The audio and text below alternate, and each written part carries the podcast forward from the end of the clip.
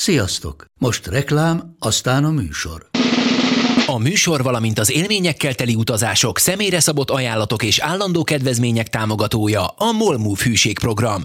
Nyisd meg a Molmove appot a profilodba belépve, add meg a Sport TV promóciós kódot, és tankolj Molevo és Evo Plus üzemanyagjainkból 15 forint per liter kedvezménnyel. Ne feledd, a Sport TV promókóddal most még jobban megéri Molmove tagnak lenni. Vége a reklámnak, jön a műsor. Matusz Krisztián a jókezű irányító, Borsos Attila a biztoskezű átlövő. Ha ők összeállnak, az nem lehet más, mint a kézi vezérlés, a Sport TV kézilabda podcastja. Sziasztok! A hétvégén kialakult a négyes döntő a Final Four mezőnye a női kézilabda BL-ben. Kezdődnek a negyed döntők a férfi kézi BL-ben, aztán volt egy Magyar Kupa négyes döntő férfi kézilabdában. Ezekről beszélgettünk, és arról is majd, hogy a Barcelona elszenvedte, jól mondom, négy év után az első vereségét a spanyol bajnokságban, illetve majd miután a férfi kézi BL negyed döntők előtt már-már hagyomány, így felállítunk egy erős sorrendet pontosabban Attila teszi ezt meg, de akkor először beszéljünk a női negyed döntők visszavágóiról és mindenek előtt a magyar csapatokról. Én kezdem, jó? Egy ilyen kis élménybeszámolóval Rostovból, ami... ami Volt-e gyorshajtás? Nem volt gyorshajtás, a repülő ö, volt az egyetlen, amely, amelyet igénybe vettünk, illetve volt szerencsénk a Fradi buszával vezetők kedvességének köszönhetően menni a meccsre, tehát ilyen módon nem. Nagyon érdekes egyébként a városi közlekedés, tehát amikor nincs balra kanyarodási lehetőség, de neked balra kell menni, és mész kilométereket egyenesen majd egy követhetetlen körforgalomban, ahol nem tudom hány sáv van, de nincs felrajzolva, megfordulsz, és utána még pár kilométert vissza, ez a balra kanyarodás, de ennél nagyobb baj sosem legyen, nagyon kedvesek voltak. Aki beszélt angolul, az a két ember kifejezetten segítőkész volt, az összes többi csak oroszul értett az egész városban, úgyhogy én nem tudom, hogy hogy fognak megbirkózni a labdarúgó világbajnokság feladataival, mert hogy még a reptéren sem értették a, a tejszót sem, úgyhogy elő kellett venni Magyarul? A, a, igen, a milk kifejezést, így aztán elő kellett venni a, a hát mondjuk, mondjuk azt, hogy erősen kopottas orosz tudásunkat, de azért boldogultunk Pásztor Pistával. A Fradi viszont nem boldogult a Rostov Donnal, és azért a két meccs alapján Elek Gábor azt mondta, hogy a Bukarest kivételével találkoztak az összes élcsapattal, európai élcsapattal ebben a szezonban, és ilyen sebességgel még nem szembesültek. Ez átjött a képernyő? Mert azt mondjuk én láttam, a futósebességnél maradunk, hogy Manaharova, vagy most már orosz nevén Managarova, olyan sebességgel közlekedik, ami szinte példátlan a nőknél, de mondjuk a játéksebességük is iszonyatosan komoly. Természetesen a, a képernyőn is átjött, de hát én már elég régóta követtem őket. Hát, ugye a, a volt szerencséd, már ugye az EHF kupában évek ezelőtt kétszer is megmérkezett az érdel, úgyhogy a helyszínen is láttam ebbe a csodálatos jégcsarnokban már játszani Igen. őket. És ugye Manaharova már nagyon régóta az egyik legjobb játékosuk. És... De hoztak még gyors embereket azért. Dembele nem olyan régóta van, ugye középre is jöttek. Igen, ö, tehát azt, azt mindenképpen el lehet mondani erről Rostovról, hogy a korábbi évekkel ellentétben, amikor azért picit úgy vásároltak, hogy bementek a közértbe, és amit lehetett kapni éppen drágán, olcsón, hm. azt megvették. Azt, azt látszik az idei csapatukon, hogy, hogy egy, egy nagyon jó szerkezetű, jó felépített csapatról van szó, amelyik ötvözi a, a gyorsaságot, a kreativitást, a jó cselező képességet, a fizikai erővel, a, a stabilitással, és ennek köszönhetően nagyon nehéz ellenük játszani, hiszen a mérkőzéseken belül is, ugye erről a már múltkori mérkőzésen is után is beszéltünk, mérkőzésen belül tudnak váltani ha csak arra gondolunk, hogy egy Vahirjeva helyére egy, egy Bulatovics tud bejönni, az, az egy védelemnek egy nehezen feldolgozható élmény. Úgyhogy ez, ez egy jó, jó csapat, látszik, hogy együtt vannak, látszik a, a, a Buzsannak a munkája azért, aki nek az alap filozófiája az ő kézilabdájának, ugye a gyors egy az egyezésekre kihegyezett játék. Nem véletlen, ugye, ha visszaemlékezel, hogy a Flöribe ki kell volt, kikkel dolgozott együtt a Bárbózával, az Enceminkóval, a Nyomblával, tehát olyan játékosokkal, akik remekül egy az egyeznek. Ezt azért tetten érjük ugye a Rostovnál is Vahirjevával, Rodriguessel és, és Bárbózával, Bárbózával például. Úgyhogy tényleg egy, egy, egy kiváló csapatról van szó, aki, aki úgy tűnik, hogy, hogy beleérett ebbe a nem a mezőnybe, mert abban már régen beleértek, hanem abba a feladatba, hogy a Final Fourhoz eljussanak, és, és ehhez idén össze, összejön úgy tűnik nekik sok minden, és a, a Final Fourban sem esélytelenek, de az kérdés, hogy, hogy ugye az újdonság őket mennyire fogja megfogni. Nyilván a játékosaik közül már egy jó páran voltak. De az oroszok még nem, igen. De igen, hát ők csak olimpiát nyertek, tehát ők tapasztalatlanok. De ott nincs ekkora show.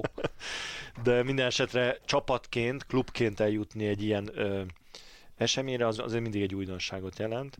Egy szó, mint száz, ö, szerintem szégyenkezni valója nincs a Fradinak olyan értelemben, hogy kiesett.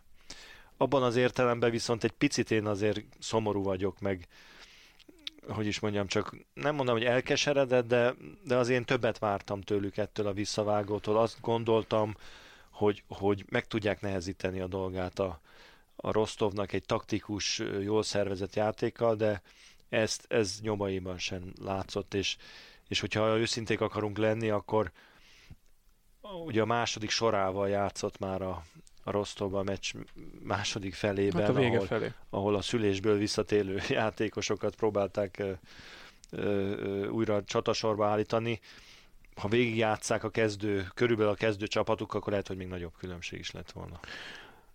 Egyébként én az elején ugye beszélgettem erről Elek Gáborral is, meg Pásztor Istvánnal is, hogy ugye a lelki felkészítés, és hogy nagyon feszültnek tűntek a játékosok, és én ezt benéztem, mert meg hát igazából a reményeimet próbáltam megfogalmazni, amikor azt mondtam, hogy ez egy jófajta feszültség. Pásztor Pista mondta is, hogy várjunk ezzel még, mert az még nem derült ki, hogy ez egy jófajta, és az elején megint azt lehetett érezni, hogy pár játékosnál igen jófajta volt, Jovanovicsnál, Kovacsicsnál adott esetben, vagy még védekezésben voltak olyan jelek, amikor azt mondtam, hogy Hornyáknál, de, de úgy volt néhány játékos, aki, aki inkább görcsösnek tűnt.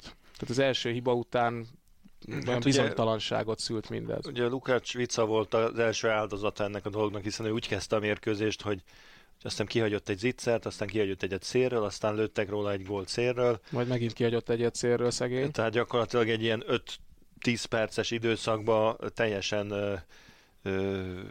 maga alá került, és utána bejött a falu végig, is hibázott, aztán úgy lassanként helyreállt a dolog, de tehát azért a kihagyott helyzetek, azok mindig egy fokmérői, vagy, vagy hőmérői egy, egy csapat állapotának. Mert a kézilabda az egy, az egy nagyon kegyetlen játék, egy, egy, azt mondom, hogy egy százalékos játék, valamilyen helyzetei minden csapatnak vannak egy mérkőzésen, még akik gyengén játszanak. Ha a helyzeteket belövik a csapatok, vagy egy csapat, akkor, akkor mindenképpen ö, nagy esélye van a győzelemre, akár egy erősebb ellen is, aki éppen kihagyja a helyzeteit. Tehát azt mondanám, hogy, hogy nehéz abból ö, olyan értéket, ítéletet mondani a csapatnak a játékára, hogy, hogy mennyi gól dobott, olyan, ér, ha, ha azt nézzük, hogy hány helyzetet hagyott ki. Tehát ö, itt azért azt gondolom, hogy nem annyira a helyzetek kihasználásával volt a probléma. Nem, én az elejére gondolok. Az elején ott, ott volt egy-két Ott, ott megrogyott attól az de, egész De csapat. utána nem nagyon voltak igazán jó helyzetei a Fradinak. Őszintén szólva, ugye az átlövések elég jól jöttek be, nem tudták azokat a jó helyzeteket megteremteni, amit, amit általában szoktak, és de ennek az volt az oka, hogy ilyen zártan maradt a, a Rostov, mert erről beszéltünk már, hogy Sneldert lehetetlen volt megjátszani. Nyilván neki is egy fárasztó idény vége közeledik, amikor végig játszott Sneldert hosszú minden. idő után elég nehéz megjátszani, őszintén szólva, és amikor néztem a holland vállalatot, ott sem nagyon tudták megjátszani. A támadó játékának a, a hatékonysága, a labda tehát a gólszerzés tekintetében az, az elég sokat visszaesett az utóbbi időben, én úgy érzem. Nagyon sokat dolgozik a falba, rengeteget zár, nem mindig megengedett eszközökkel egyébként, tehát ő egy eléggé hát sok, sok támadó hibával vé, dolgozó játékos, amit hol lefognak, hol nem, de az, az egyértelmű, hogy sokat dolgozik, viszont nem nagyon találják meg. Azért a tavalyi évben visszaemlékezem, egy csomó gólt lőtt, egy csomószor tisztára játszotta magát, vagy ő most azt, hogy ez az ő hibája, vagy a csapatjáték minősége, ezt, ezt nehéz így megmondani. Minden esetre a Fradinál ugye tradicionálisan a beállós játék az egy nagyon erős dolog volt a Szamoránszki piroskáig, ha vissza gondolsz. Mindig megtalálták azért a, a beállót, olyan játékosokkal, akik nagyon jól játszanak be, a, a Pena, a Kovacsics Anikó, a, a Szucsánszki Zita, és ez, ez teljesen kiveszett a játékból, de nem csak ezen a meccsen, hanem a, a visszagondolsz az Európa Kupa mérkőzésekre, viszonylag olyan emlékem van, hogy a, a beállós játék igazán eredményes lett volna. Beszélgettünk is még ott a mérkőzést megelőzően Elek Gáborral arról, hogy annak idején, amikor a Rostovot búcsúztatták kekmenetelés során, Zácsik illetve a belső hármas tagjait szétlőtték őket, és akkor megnyíltak a területek Szamoránszkinak éppen. Nem lehet-e az, hogy amit most mondtál, az összefüggésben van azzal, hogy a Fradinál igazából nincs ilyen ember pillanatnyilag, aki egy teljes meccsen keresztül adott esetben, ha jó formában van, kintről szétlövi őket. Tehát eleve az ellenfelek is úgy készülnek, hogy kintről kevésbé veszélyes a Fradi, és akkor így zártabban védekeznek. Ugye Penát teljesen kivették a játékból a két mérkőzés alatt például. Igen, ö, nyilván, hogy, hogy van egy ilyen ö, taktikai terve az ellenfeleknek, hogy megnézik, hogy milyen lövők vannak, hogy játszanak, és ehhez képest állítják össze a védekezésüket, de azért ehhez képest a, Fradi is tud alkalmazkodni. Tehát nyilvánvaló, hogy a Rostov ellen nem nagyon érdemes középre vinni a befejezéseket, hiszen a két torony, a Slivinskaya és a, a Makajeva vagy a Petrova ott védekezik, ott azért nem olyan könnyű ö, ö, jó helyzetet találni, ehhez képest mondjuk ott azért szépen meglőtték a, a középső területen, akár a Kovacsics Anikó, akár a, a Jovanovics a, a, az elején. Én amit hiányoltam az, hogy például a Vahirjeván nem, nem láttam a, tudatosan, hogy a Vahirjevára dolgoztak volna a, a fradisták, pedig ő azért nem azt mondom, hogy egy gyenge védő, de hát azért egy 60 magas, azért őnála lehet keresni a, az ő, ő területén. A másik oldalon, amikor a Barbóza védekezik kettes, szintén lehet. Na, nem a, nagyon a, volt ilyen. Tehát a Rodriguez vagy Barbózát letették a szél, és Dembele. A Dembele az egy jó védő, az, az kétségtelen. Tehát nyilván, hogy, hogy volt egy taktikai terve a Fradinak is, hogy hogy bontja meg ezt a védelmet, tehát ez nem, nem jött le a, a mérkőzés alatt, hogy, hogy ö, azon túlmenően, hogy a Jovanovics jön és átlövi őket középen, ami nem feltétlenül a, a alap taktikájuk volt szerintem, bár az elején ez működött. Hát itt is ez Mindenesetre az, az látszott, elején. hogy bátran lőttek, ez, ez uh, nyilván azért volt, mert azt gondolták, hogy nem fognak föllépni, tehát lőni kell. A lövésekkel nem is volt annyira bon, probléma, hanem ugye a szérekre a befejezések nem nagyon jutottak le. A, a Nadin szerintem gól nélkül volt talán. Talán egyet lőtt. Talán egyet. Minden esetre ő az az egyik leggórelősebb játékos a Fradinak. Sok lövése sem helyzet, volt. Nem volt helyzet. A másik oldalra volt. mentek le inkább. A másik a oldalon több, több helyzet volt, de ott meg most nem volt olyan nagyon jó a helyzet kihasználás, és azért ne felejtsük el, hogy a Szedoi Kina személyében azért egy nagyon jó kapusa van a Rostovnak, különösen szélső zónában, vagy a szélről jövő lövéseknél nagyon jól véd, úgyhogy hát én, én mondom, egy picit abba csalódott voltam, hogy, hogy oké, okay, jobb a Rostov, oké, okay, ez, ez nem volt reális tovább jutni két meccs alatt, de egy picit többet vártam a Fraditól, különösen a, a kinti mérkőzésen. Hogyha tovább lépünk, és az Etóról beszélünk, bár erről is hosszasan tudnánk szerintem még, és lehet, hogy a következő alkalommal majd a folytatásról is érdemes lesz, akár a Fradi, akár a Rostov esetében, mert azért ez is felvet érdekes kérdéseket, hogy ha megnézzük a reálbéreket mondjuk, hogy ott mennyit ér azoknál az árszí, áraknál és az árszínvonalat tekintve egy fizetés, akkor nem csodálkozom, hogy oda tudnak vinni embereket, de most ezt egyelőre tegyük zárójelbe, hanem folytassuk az etóval. Megmondom őszintén, nem láttam végig a mérkőzést, de azért azt a periódust éppenséggel láttam, amikor egy picit nehezebben alakultak az Eto számára a dolgok, vagy végig ilyen volt? Ugye 8-6-ról lett 8-11, ott, és ott még egy üres kapus lövése mellé ment Rajcevicsnek, úgyhogy ott, ott voltak azért problémák. Én Azt mondom, hogy, hogy próbáljunk objektívek lenni. Amikor jó játszik az Eto, akkor én vagyok az első, aki megdicsérem őket. Amikor jól védekeznek, akkor, akkor, akkor szuperlatívusokban beszélünk a védekezésükről. Amikor, amikor jól támadnak, akkor el vagyunk ájulva attól a, a sebességtől és attól a szervezettségtől, amit, amit játszanak. Ezen a meccsen gyengén játszottak. A védekezésük középen ö, soha nem látott módon ö, szervezetlen volt. Különösen a, a, az anya Althaus szerintem, aki teljesen idézőjelben vakon volt, tehát rosszul váltottak a középső területen a beállón. Egy az egybe a Rajcevics többször kicselezte kis területen, tehát nagyon bizonytalanul védekezett, ami, ami rányomta azt hiszem a, a bélyegét a, a, a védekezésükre. Ugye a, a Görbic Anita végigvédekezte gyakorlatilag kettesben a, a mérkőzést, úgy, hogy az Althaus volt mellette, az, akinek nem ment jól, a puhalák a másik oldalán, azért ez, ez nem a legacélosabb védősor. Igen, és ezt... emlékszem, a, pont ebben az időszakban volt talán, amikor már egy kicsit kiegyenesedett az Eto, de Grimsből folyamatosan pörölt a bal szélen védekező, szerintem puhalákkal, mert nem láttam, hogy kinek magyaráz Görbic volt ott mellette. Én azt gyanítom, hogy kettőjük közül inkább puhalákot vette elő egy-egy védekezése miatt, Igen. mert onnan jöttek a helyzetek, jöttek a gólok. Igen, és nagyon rossz ütembe szaladgált föl a, a puhalákkal a csapdákra és különösen ha Rajcsevics van középen, ő remekül látja a direkt passzokat a sarokba, tehát ott azért egy csomó olyan helyzetet teremtett a, a Podgorica, ami nem volt nagyon kidolgozva, nem kapták ajándékba abban, hogy elszaladtak a, a védők. Egy szó mint száz, ez nem az a védekezés volt, amit megszoktunk a, a, a Győrtől.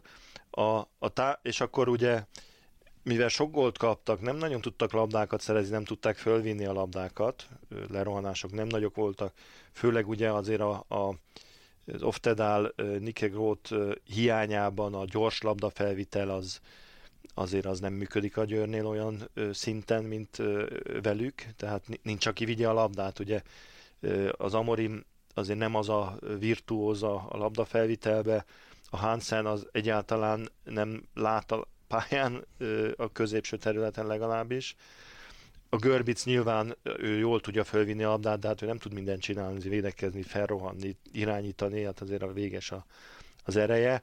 Ugye a szélső játékosoknak alapvetően az a feladatuk, hogy a kipaton labdákat összeszedjék, tehát nem tudnak előindulni általában. Ebből kifolyólag ugye nem nagyon ment a győr előre, könnyű gólok nem voltak, mindenért meg kellett küzdeni, és a, a felállt védelem elleni játékban meg rengeteg hiba volt. Tehát 16 hét eladott labda, egy csomó technikai hiba az Amorimtól, a Mireia González-től, a Görbictől is még, tehát ez, ez nem volt nagyon jó, viszont remekül küzdöttek, tehát nem adták oda ezt a meccset, akár mennyire is én, én még egy picit olyan érzésem volt, hogy hát megérdemelni a Podgorica, annyira küzdenek, meg annyira szeretnének nyerni, adjuk oda nekik a meccset. De, de... Hát azért Ambrose Martin utolsó BL meccse volt Persze, Győrben. Nem, ezt, ezt, ezt viccből mondom, de tehát a, a Montenegróiak megérdemelték volna ezt a győzelmet, de úgy döntött a Győr, hogy ezt azért nem, idáig azért nem megyünk, és a végén belehibáztak a, a, a László, Krisztina László egy teljesen tiszta zicsert beledobott a kapusba, azt hiszem döntetlennél két perc a vége előtt, tehát ott azért kijött az a, az a pici, ami, ami kell, és akkor azért behozta valahogy a, a győr ezt a meccset.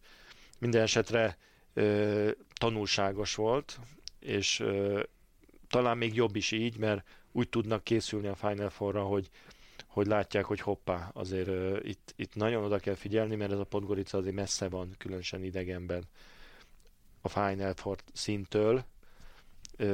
Láttuk ugye, hogy a Fradinál is lejjebb van, ehhez képest, és akit egy, egy mondatra visszautalok a Fradira, egy ilyen meccset vártam én a Fraditól, mint a Podgorica produkál Győrbe. Uh-huh. Egyébként itt valószínűleg összefüggésben volt az idegenben aratott hat gólos győzelemmel, az Eto játék, amiket elmondtál, meg ugye Oftedát még így sem kellett bevetni a győzelem érdekében. Viszont, hogyha megnézzük a riválisokat, azt ugye leszögezhetjük, hogy a Final Four-ban úgy van reális esélye a címvédésre, mindenki a fedélzeten. Ez egyértelmű, de viszont ha megnézzük a többi csapatot, a, most a Rostovot egy kicsit félreteszem, mert ők jól játszottak, a Győrhöz hasonló bénázást mutatott be a visszavágon minden bejutott csapat, mert a, a Várdár Skopje meccsit ugye közvetítettük, hát az elég gyenge kis mérkőzés volt. Egy nagyon gyenge Mityilandot totál félgőzön, nem is azt mondom, hogy pörögve, hanem úgy csorogva megverte a, a, a Várdár. A, a Bukarestről meg nem is beszélek, akik volt, hogy 10 góllal légtek. 9. Vagy 9 talán a, a, a, a Metz ellen. Még ott, ott még felismerült, hogy, hogy akár el is bukhatják, mert 9 gól volt, azt hiszem 15 perccel a vége előtt, és, és megvoltak a helyzetei a Metznek a, a 10-hez, a 11-hez, de aztán belehibáztak, és akkor jött Nelgu, és három ember a hátán. De itt is az, az lehetett, nem, hogy otthon nyertünk 13-mal, egy kicsit csak a mezek mentek ki a pályára. Tehát azért olyan nagyon nagy izgalmat ez, nem lehetett rajtuk észlelni. Ez így van, de azért, azért ilyenkor megmutatkozik egy csapatnak a, a, a hogy is mondjam, csak a, a sérülékenysége. Tehát azért ezen a meccsen láttuk, hogy a Bukarestet azért nagyon-nagyon meg lehet zavarni, mert akkor, amikor már elmentek a félidő, az első félidő közepén 6-7 góllal, akkor azért már szerettek volna ők jobban uh-huh. játszani, nem nagyon tudtak. Igen, de hát még így sem mentek négynél közelebb azért hozzájuk összesítésben. Összesítésben nem, de, de a mutatott játékok alapján, ha nincs a Nelgu, simán kikaptak volna 15 uh-huh. góllal is akár. Tehát az a, az a hihetetlen hatékony gépezet, amit láttunk Bukarestben, és akkor egy kicsit hát úgy gondoltuk, hogy nagyon föl kell kötni a gatyáját bárkinek, hogy ezeket megverje. Ezen a mérkőzésen azért azt láttuk, hogy ennyi gól ide, ennyi gól oda, az előny, attól még nem kell rosszul játszani, és nem kell ennyire szétesni, és nem kell ennyire azt a jelet mutatni, hogyha egy csapat nagyon jól fölkészül ellenük, mert azért a Metsz nagyon jól fölkészült ellenük, a Kurtovicsot levették a pályáról, a beállósaikat nagyon szépen ö, kizárták a játékból, a Neagut meglövették abba a sávba, amíg a Rajcsics ö, bírta a kapuban, hogy nem nagyon tudott gólt lőni.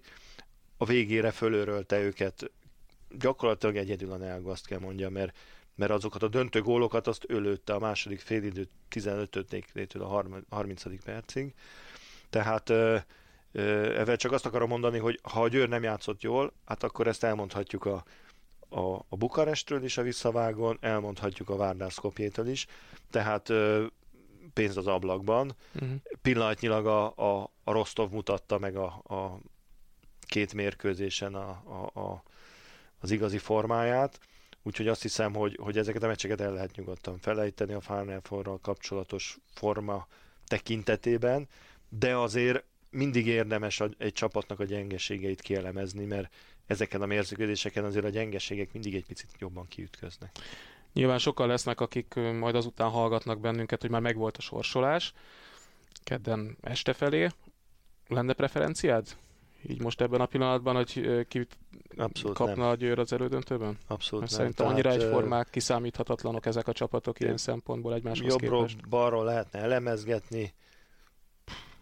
Szerintem most azt mondani, hogy jó lenne a Várnál ellen játszani, az elég hülyén hangzott szerintem. Senki ellen nem lenne jó, de valaki ellen kell. A Rostov ellen azok után, amit láttunk most a Fradi ellen, szintén nem vágyunk rá.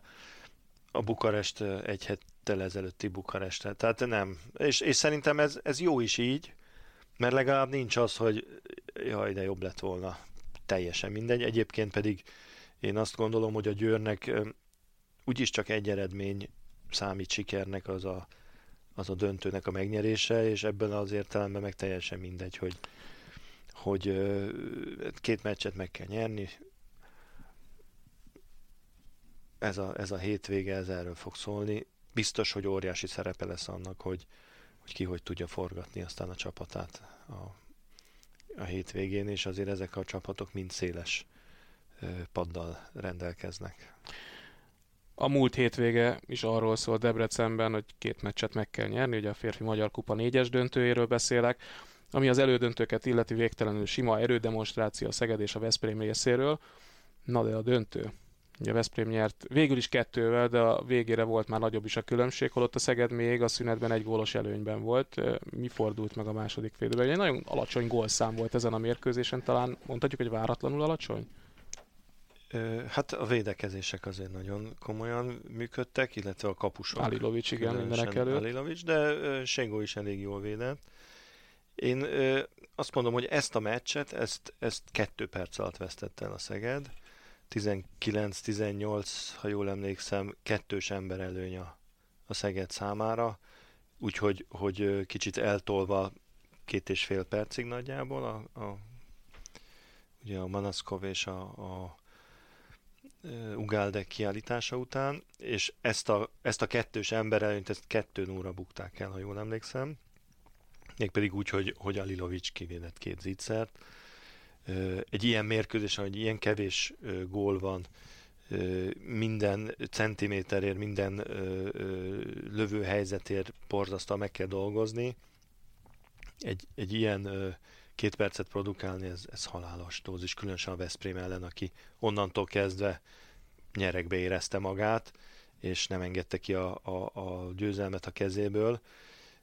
Egy kiváló Nenadicsal a, a fedélzeten, aki a, különösen a, a Máténak, a Likai Máténak a sérülése után a kezébe vette ott a, a góllövést. Picit az volt a, a meccs után az érzésem, mint, mint Kielben, a Szeged szempontjából, hogy, hogy abszolút jó volt. Ott egy 10 perces álmokfutás volt, amitől kikaptak két góllal, így gyakorlatilag 5 perc alatt produkálták azt emberelőnybe, kettős emberelőnybe. Ö, azt hiszem, hogy a Veszprém ellen különösen, vagy egy Kiel ellen nem, nem tudsz nagy meccset nyerni ilyen ö, rosszkor elkövetett hiba szériával. De ez nem nevezhető visszatérő problémának a Szeged szezonját figyelembe véve? Még olykor megnyert mérkőzéseken is, hogyha visszagondolok, akadtak ilyen szériáik, ilyen 10 percek. Igen, hát ez egy visszatérő probléma. Na most ö, erre azért nekem az a, az a meglátásom, hogy, hogy ezek a problémák sokszor előfordulnak egy olyan csapatnak, aki csapatnál, aki az erősebbek ellen küzd.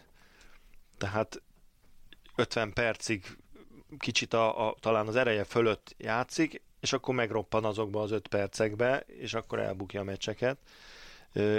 Nyilván ezek, ez tetten érhető esetleg gyengébb csapatok ellen is, de mondjuk a Kiel meg a Veszprém elleni mérkőzésen azért ezt ide vissza lehet vezetni, hogy, hogy, hogy ö, fölötte vagy annak, ami, ami az átlagod, és akkor egy pici koncentrációs hiba, és az ellenfél, aki azért rendkívül rutinos játékosokból áll. Ugye a Nagy Lacinak a visszatérése az megint bebizonyosodott, hogy nem ugyanaz a Veszprém vele, meg nélküle. Nyilván, hogy ez játék a szavakkal, de ezer százalékra mondom, ha játszott volna az Kern ellen a két mérkőzésen a Laci, akkor biztos tovább jutnak. Tehát eh, megint bebizonyosodott az, hogy ő azért ennek a Veszprémnek a lelke. Nem is a gól számával, nem is a, a, a egyszerűen a jelenlétével, egyszerűen abban, hogy amikor nála van a labda, akkor biztos helyen van. Amikor kell dobni egy gólt azon a meccsen, azt ő bedobja, kivédekezi, megfogja, elirányítja a másikat. Ez, ez, ez mindenképpen egy különbség továbbra is a Veszprém és a Szeged között egy, egy nagy lacival jobban.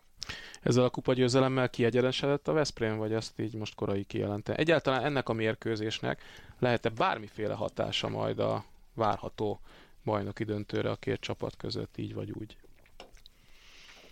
Hát nem hiszem, hogy lesz hatás olyan értelemben, hogy, hogy a Szeged a szokásos lelki állapotba készülhet, hogy nem sikerült, nem sikerült, nem sikerült, talán majd most biztos, hogy de közel ezerre, vagyunk, ugyanakkor igen, megint igen, nem igen. sikerült. Tehát, hogy, hogy mit tudom, néhány éve sorba a bajnokik, a kupadöntők ö, nincsenek messze, de azért, azért nem, nem ott vannak, ahol, ahol a Veszprém. Nyilvánvaló, hogy a Veszprémnek nagyon nagy szüksége volt erre a győzelemre, mert azért komoly lelki válságban volt a, a játékosok is, a, a, a klub, úgy mondanám, az, a szurkolóival együtt, tehát a, a Veszprémi léleknek azért ez egy nagy, nagy pofon volt szerintem ez az Kern elleni kiesés. Tehát mindenképp nagyon ö, számítottak rá a, a szurkolók is, hogy, hogy újra ünnepelhetnek, és ez látszott is az ünnepségen, ahhoz képest, hogy tizedszer nyertek egymás után, olyan volt, mintha először nyertek volna.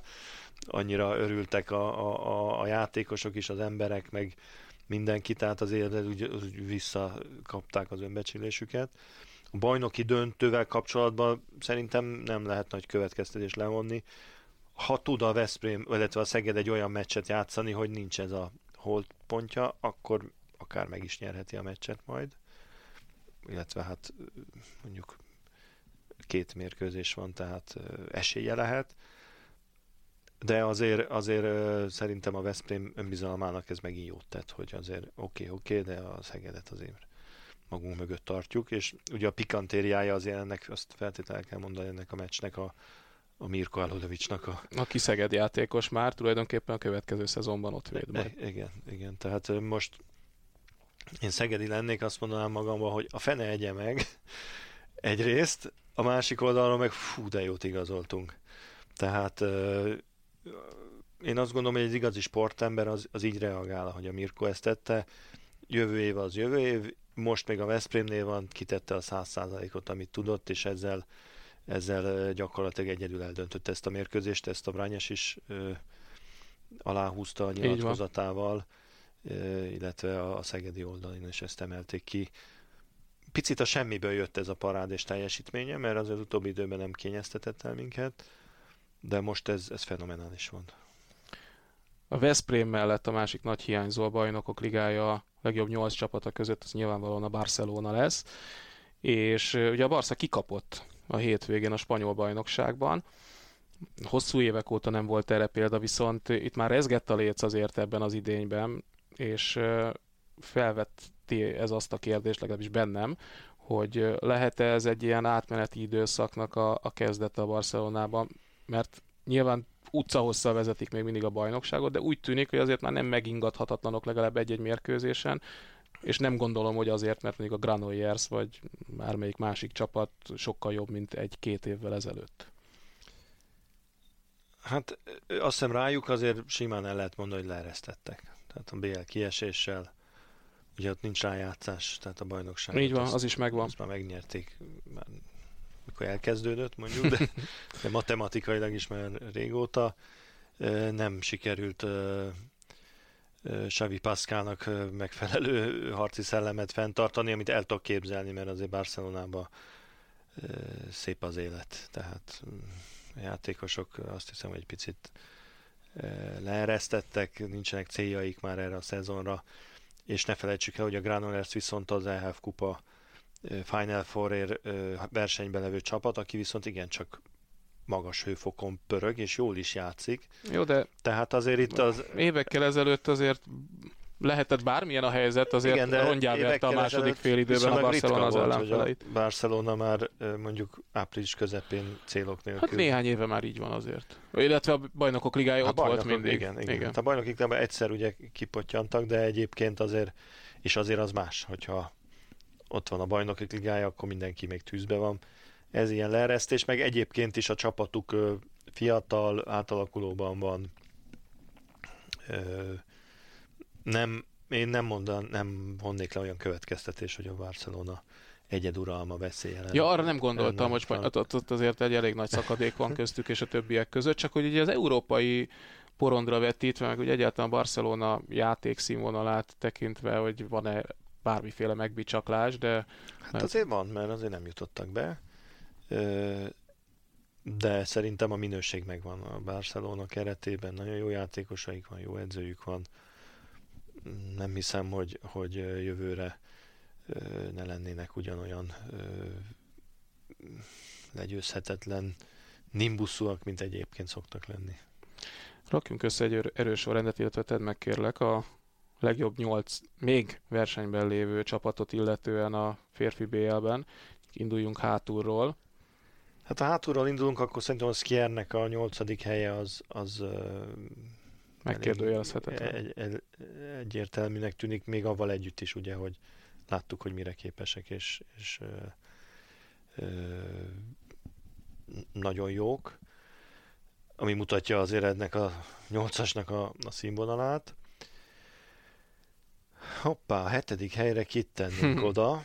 Nagyon, nagyon-nagyon közel vannak egymáshoz a Igen, csapatok. ugye logikusan azt mondanám, hogy a Nant, csak ugye ez elég hülyén néz neki, mert mert az egyikük a, a Skien vagy a Nanben lesz a négybe, tehát. Igen, tehát ez mondjuk a, a párosítás, a párosítás sajátja. De mondjuk papíron talán ők vannak ott. És ez mondjuk önmagában már érdekesség, hogy ezt mondod, mert ez azt jelenti, hogy a 7.-8. helyről valaki ott lesz a négyben, és... Igen, de azért ez mutatja a színvonalat. Tehát Persze. Egyértelműen ez, ez ö, ö, a hatodik helyre a, a Montpellier tenném, de csak azért, mert a francia bajnokságban látom, hogy a Nantnál egy kicsit jobbak, bár most például a Nimtől kikaptak Ilyen alapon a, a PSG elé is tehetnéd őket.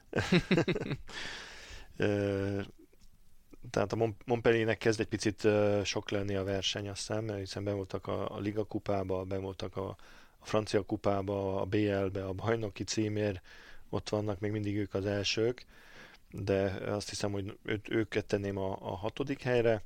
Az ötödik helyre ott ö, ö, a Kiel, a Kiel és a Flensburg közül választanám a ötödik, negyediket, és akkor a Kielcét tenném a harmadik helyre, akik nekem nagyon tetszenek az utóbbi időben, és azt hiszem, hogy, hogy borzasztó nehéz dolga lesz a Paris Saint-Germainnek velük. És hát a Várdár tenném a másodikra, és a Párit az elsőre. Uh-huh.